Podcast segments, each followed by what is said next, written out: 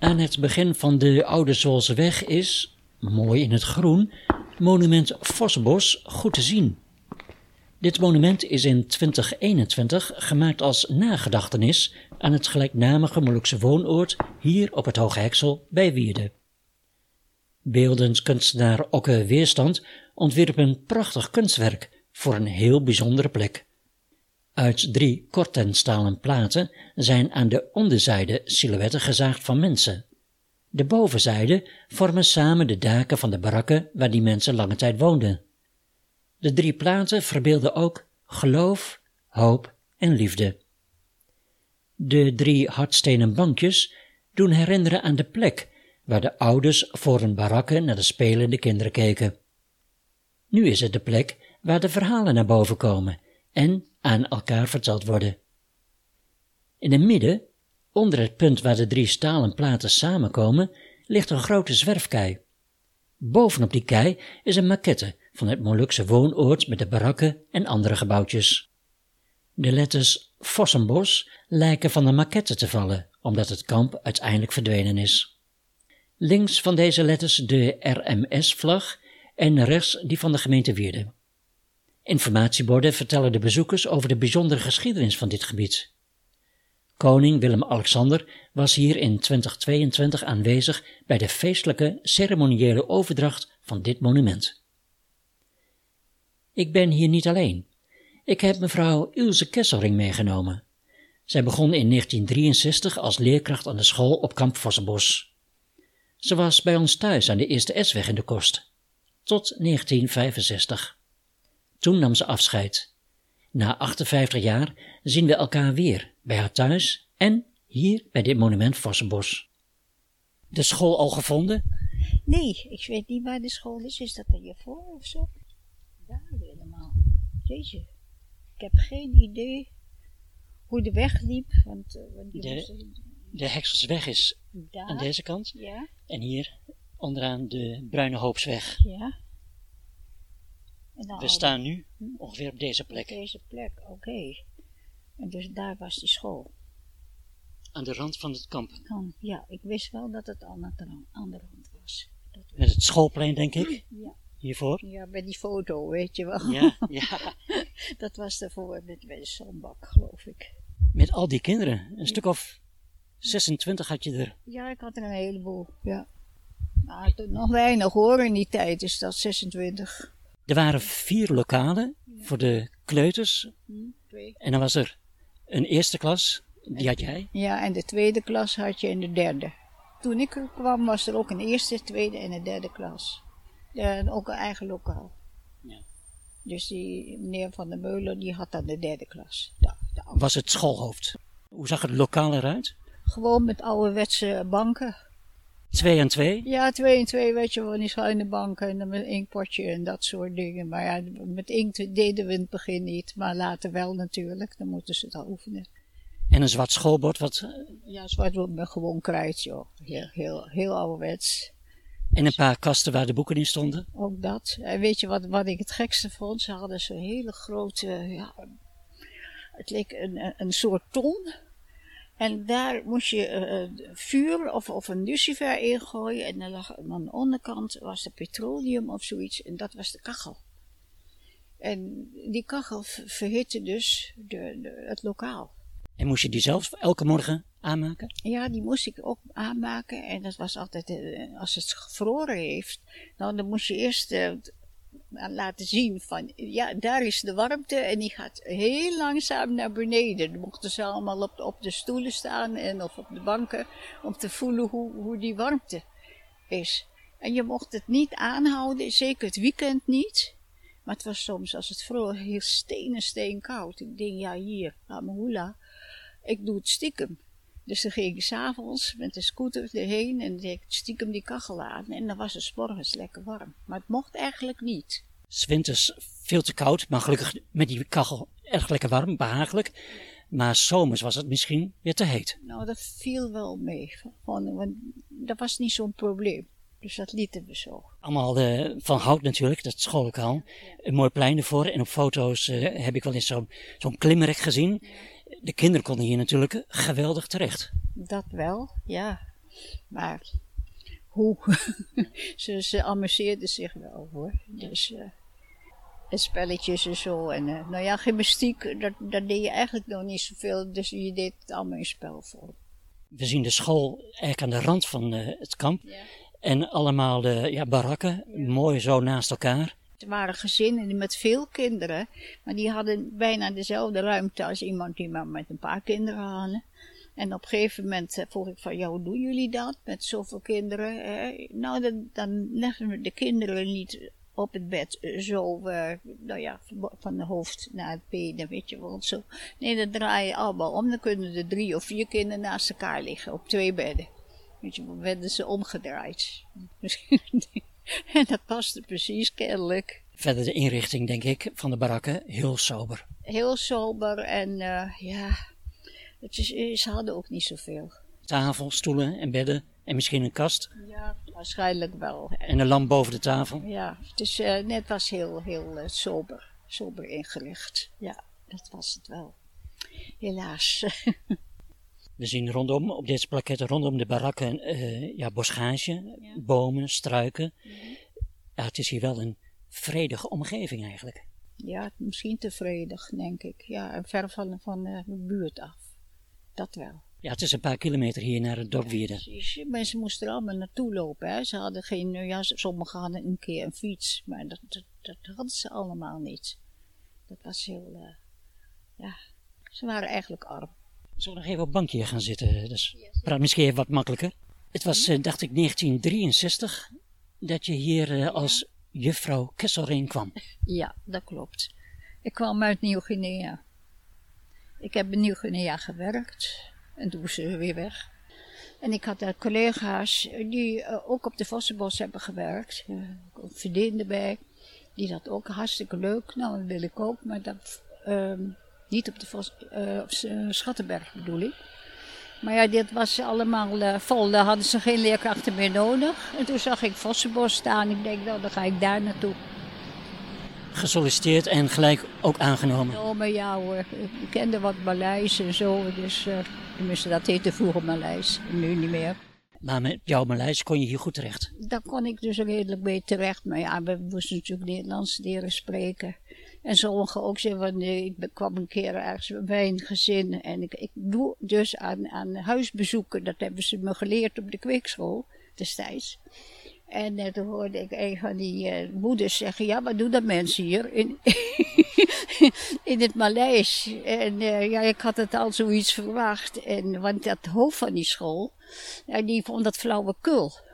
Je ging alleen maar naar, naar die familie toe als die kinderen vervelend waren en op een donder moeten krijgen. Dan kregen ze met de riem of zoiets. Nou, dat gaan we niet doen, dacht ik. Je kunt me wat. Ik ga gewoon kennis maken met alle ouders. Dus ik ging ook nog bij een, bij een familie en dan hoorde ik in het Maleis zeggen, wat doen dat mensen hier enzovoort. En dan heb ik het keurig netjes Maleis verteld waarom ik het deed. En mijn vader is bij het knil geweest, dat is voor jullie vaders. Nou, toen was het uh, klaar. Je dwong daarmee wel gelijk respect af? Ja, misschien wel, ik weet niet. Dus uh, geaccepteerd. En daardoor konden ze misschien ook hun eigen verhalen aan jou nog beter kwijt dan aan je collega's? Ja, ik, dat weet ik eigenlijk niet. Dat heb ik dus ook nooit uh, echt uh, erop aangedrongen. Ze zullen wel iets verteld hebben, maar ja, ze, ze hebben het moeilijk gehad. Ze hebben het heel moeilijk gehad, ja. Ja, je werkte hier op de Vossenbos, maar het bijzondere is dat je bij ons thuis ja. in de kost was. Ja. Nou, ja. Ja, je moest toch ergens wonen, hè? Ja. Dus uh, dat vond ik wel leuk ook eigenlijk nog niet zo heel ver hier vandaan. Eh, wat zal het zijn? Drie kilometer misschien. Eh, maar je ging wel op je scooter van ons huis hier naartoe. Ja, ik heb een scooter. Want die, mocht ik, die heb ik in Nieuw-Guinea gekocht en die mocht ik notabene meenemen. Dat is wel heel bijzonder. Ja, ik, we mochten alles meenemen wat we wilden. het is ook de scooter. Dus op een gegeven moment had ik een scooter en dan kon ik hier komen. Makkelijk. Ja. Zeker, want voorlopig was het net iets te ver. Maar ja, een juf op een scooter, dat was voor mij ook wel wat uh, indrukwekkend hoor. Ja, toch wel. Ik kan me nog herinneren, het was echt een, een Vespa. Hè? Ja, een Vespa. Ja, 125. Oh. Ja. ja, en als je dan hier op het kamp aankwam met de scooter, was er misschien ook al belangstelling van de kinderen? Ja, of vast wel hoor. Ja hoor. Dus, maar ja, later, laatst vonden ze ook wel gewoon. Hè? Ik heb daar hier twee jaar gewerkt. Na twee jaar. Ja, en toen was er al sprake van dat die school opgeheven zou worden, maar die moesten nog een jaar doorgaan. Maar ik kon een andere baan krijgen, ook weer in het buitenland. Tot de zomer 1965 ben je bij ons thuis gebleven en had je hier uh, je werk. Kun je misschien nog iets herinneren van de jaren dat je bij ons thuis was? Je was ook in de weekenden ja. en zelfs met dagen als de Pasen. Was je bij ons? Ja, dat was ik ook. Ja, nou ja, dat Pasen, dat vond ik heel leuk met de eieren. Allemaal een hele, hele bord uh, of zo'n zo schaal vol met eieren. Eet u maar. Uh, oh, neem, neem nog maar een eitje, juffrouw. Ik werd juffrouw genoemd. ja, een paar eiertjes vond ik wel lekker, maar zoveel. Voor ons gezin was het destijds toch wel een stukje privacy opgeven. In één keer zo'n vreemde juf die dan bij je inwoont s'nachts slaapt en overdag uh, met het eten en ook bij het avondeten erbij is. Ja, dat is toch op zich ook wel bijzonder. Ik was jong, dus ik kan me niet zo heel veel meer van die tijd herinneren. Maar op zich wel bijzonder dat je zo een deel bent van het gezin. Ja, nou ja, dat is ook wel leuk en gezellig eigenlijk. Ja, vond ik wel gezellig. En dan kon je misschien je verhalen wat je hier op school weer meemaakte, ook nog even weer kwijt. Kwijt, ja, nou ja, goed. Uh, hopelijk leuke verhalen. Ik kan me er niet meer aan herinneren, maar goed. Je had een mooie hobby, altijd al belangstelling gehad voor vliegen.